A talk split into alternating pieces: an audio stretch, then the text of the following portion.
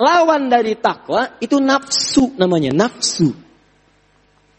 Nafsu ini disebutkan juga sama 115 kali dalam Al-Quran. Tuh. Takwa mendorong pada kebaikan.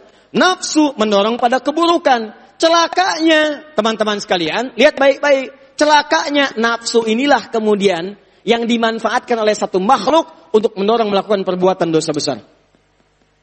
Awas, nafsu punya kecenderungan berbuat buruk. Dari mana taunya? Quran surah 12 ayat 53. Wa ma ubarni'u nafsi. Paling kiri sebelah atas. Innan nafsa la ammaratun bisu. Awas, innan nafsa la ammaratun bisu. Aku nggak bisa menganggap diriku suci karena punya nafsu, sedangkan nafsu mendorong pada keburukan. Nafsu mendorong pada keburukan. Su. Nafsu su. Mendorong pada keburukan. Su. Itu perbuatannya. Sudah jadi. Kalau terdorong untuk berbuat itu disebut dengan sayyi. Jamaknya disebut dengan sayyiat. Apa sumber keburukan? Nafsu. Lawannya apa? Takwa. Nah sekarang, jika ada seseorang kemudian disebutkan di Quran, surah kelima ayat 30, pelaku pembunuhan pertama di muka bumi, apa yang menyebabkan dia kemudian terdorong untuk membunuh saudaranya? Ternyata salah satunya ketidakmampuan dia mengendalikan nafsu. Fatawwa'at lahu nafsuhu qatla akhi. Maka dorongan nafsunya diikuti dengan mengikuti dorongan nafsu dia bunuh saudaranya.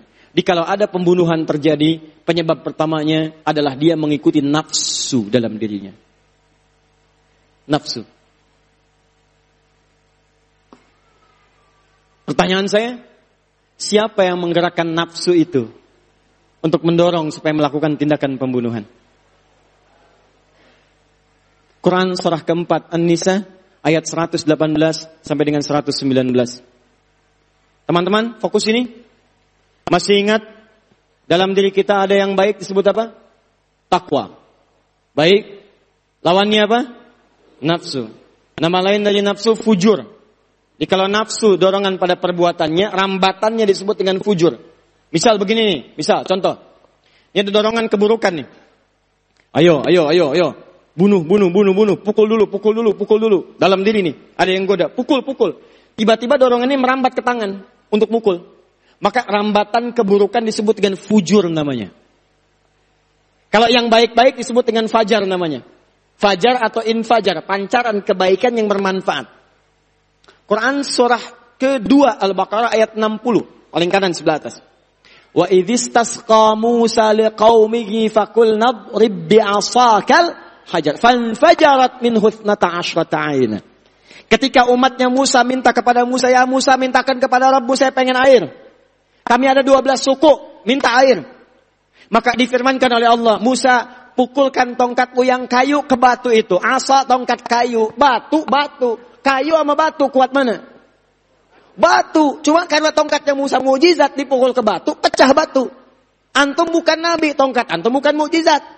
Tongkat Musa dipukulkan ke batu, kayu mukul batu keluar 12 mata air. Fan fajarat min husnata asyata aina. Tongkat antum terbuat dari emas, pukulkan ke batu, terluar 12 air mata. Naik tuh. Tapi kalimatnya mata air keluar itu infajar. Infajar. Kenapa disebut infajar? Karena terpancar sumber-sumber kebaikan. Dari situ bisa minum. Itu ada manfaat. Jadi energi bisa ibadah. Nah, sama. Kenapa salat pertama disebut salat fajar? Karena ketika Anda mendengar Allahu Akbar, Allahu Akbar, terpancar dari dalam diri Anda untuk merespon ibadah dengan mendengar suara adzan itu.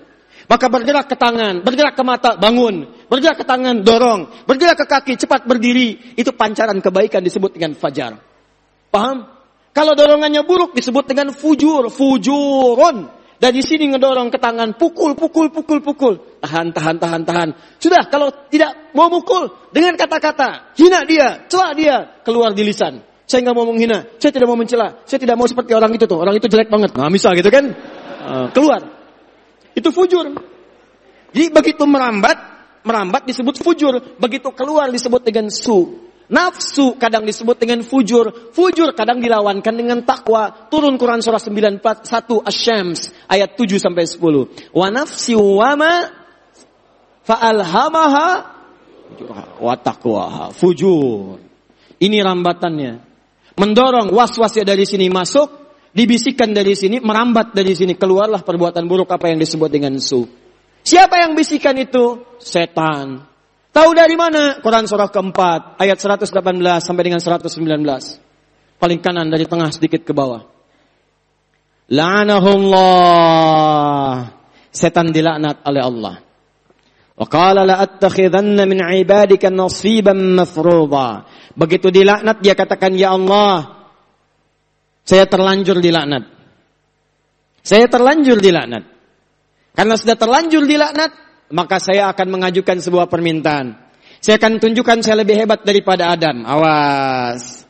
Ini prinsip setan. Setan itu kalau sudah salah, sekalian salah sekalian. Ya, terlanjur basah, ya sudah mandi di Bukan cuma di kali, ada yang di kamar mandi, ada yang di mana-mana. Ya, setan prinsipnya salah, terlanjur salah, ya sudah berkali-kali salah. Jadi kalau dia sudah salah, salah aja. Nah ini kadang-kadang diwariskan pada manusia. Kalau anda pernah salah dan merasa, udahlah, sudah difonis salah. Udahlah, orang tua sudah menganggap saya nggak bagus. Udahlah, di kantor saya sudah dicap nggak bagus. Sudahlah, di kampus saya dikenal dengan orang yang jelek. Maka teman-teman, ketahuilah anda sedang dikerjai oleh setan pada saat itu. Dia sedang mewariskan penyakit pertama. Sudah, saya sudah difonis buruk oleh Allah, sekalian saya salah. Saya tunjukkan kepada Allah, saya lebih hebat dibandingkan Adam. Lihat baik-baik.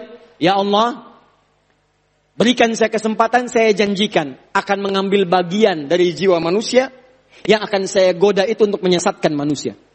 Dalam jiwa, jiwa disebut dengan nafas. Wa nafsi wa masawaha. Jiwa manusia sempurna. Ada dua bagian di dalamnya. Fa'alhamaha fujuraha wa taqwaha. Fujur takwa. Takwa itu jiwa kebaikan, gak mungkin disentuh setan. Jiwa kebaikan setan gak punya kekuatan. Ya dalam diri kita ada dorongan kebaikan, disebut takwa. Ada dorongan kebaikan, yang dorong namanya malaikat. Disebutkan 88 kali dalam Al-Quran. Malaikat disebutkan 88 kali di Quran. Ini yang mendorong sifat takwa. Ya masih ingat tadi amalan takwa contohnya apa? Salat. Salat panggilannya disebut apa? Adan. Begitu antum dengar adan kan suka ada dorongan dalam hati. Allahu Akbar, Allahu Akbar. Cepat, cepat, sudah adzan, siap-siap, nanti terlambat. Bagaimana kalau diwafatkan dalam keadaan belum sholat? Nah itu jiwa takwa. Dan dia mencegah keburukan. Makanya ketika anda berbuat yang tidak baik, ingin terfikir, dicegah oleh sifat takwa, jangan kerjakan. Gak percaya, pulang dari sini, iseng-iseng ambil sendal teman saudaranya. Ambil. Setelah itu pakai oleh antum. Begitu akan digunakan, maka jiwa takwa anda akan mengatakan, ini bukan punya kamu. Jangan lakukan. Bagaimana kamu nggak malu datang ke pengajian, pulang bawa sandal orang diwafatkan sedang memakai sandal orang lain. Tuh. Yang dorong malaikat. Tapi jangan lupa, setan pernah mengajukan permintaan kepada Allah. Ya Allah, saya nggak bisa menguasai jiwa takwa, sudah ada malaikat di sini. Maka berikan saya kesempatan untuk bisa memberikan was-was pada sisi yang lain, nafsu. Wa qala la attakhidanna min ibadika nasiban. Berikan bagian saya untuk saya kuasai jiwa manusia. Masuklah dia lewat nafsu. Ayat 119 ya dia katakan langsung. Wala udhillannahum. Saya akan sesatkan mereka dari sini. Berikan waswas. Begitu Anda keluar, mau pakai sendal orang, Tiba-tiba takwa Anda mengatakan, jangan, jangan pakai, jangan, jangan pakai. Kata nafsu, memang jangan pakai, jangan, jangan pakai yang ini, yang itu aja yang lebih bagus. Nafsu. Tuh. Sama. Itu setan, caranya halus, halus. Kantor, oh, tanda tangan, tanda tangan. Begitu lihat, nggak benar proyek nih, nggak benar nih. Datang Pak, gawat tanda tangan aja Pak, 100 juta. Takwa mengatakan, jangan lakukan, dosa. Orang nyogok dan disogok neraka dua-duanya. Rasi wal murtasi finnar. Yang nyogok, yang disogok di neraka. Ah, nggak mau ah. Saya selalu sholat, tangan orang tahiyat tidak akan pernah berbuat maksiat. Tiba-tiba Pak naik Pak 10 miliar. Nafsu berkata, istiharah aja dulu, istiharah dulu, istiharah dulu. Tuh istiharah tuh. Nafsu. Kadang-kadang begitu, halus tapi menyerumuskan.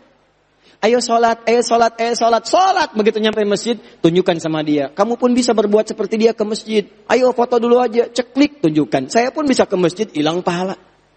Nafsu. Ya, wala wala umanniyannahum. Saya kasih angan-angan, berhayal. Saya tanya pada antum, siapa yang selama hidupnya nggak pernah berhayal? Angkat tangan, saya berikan hadiah umroh.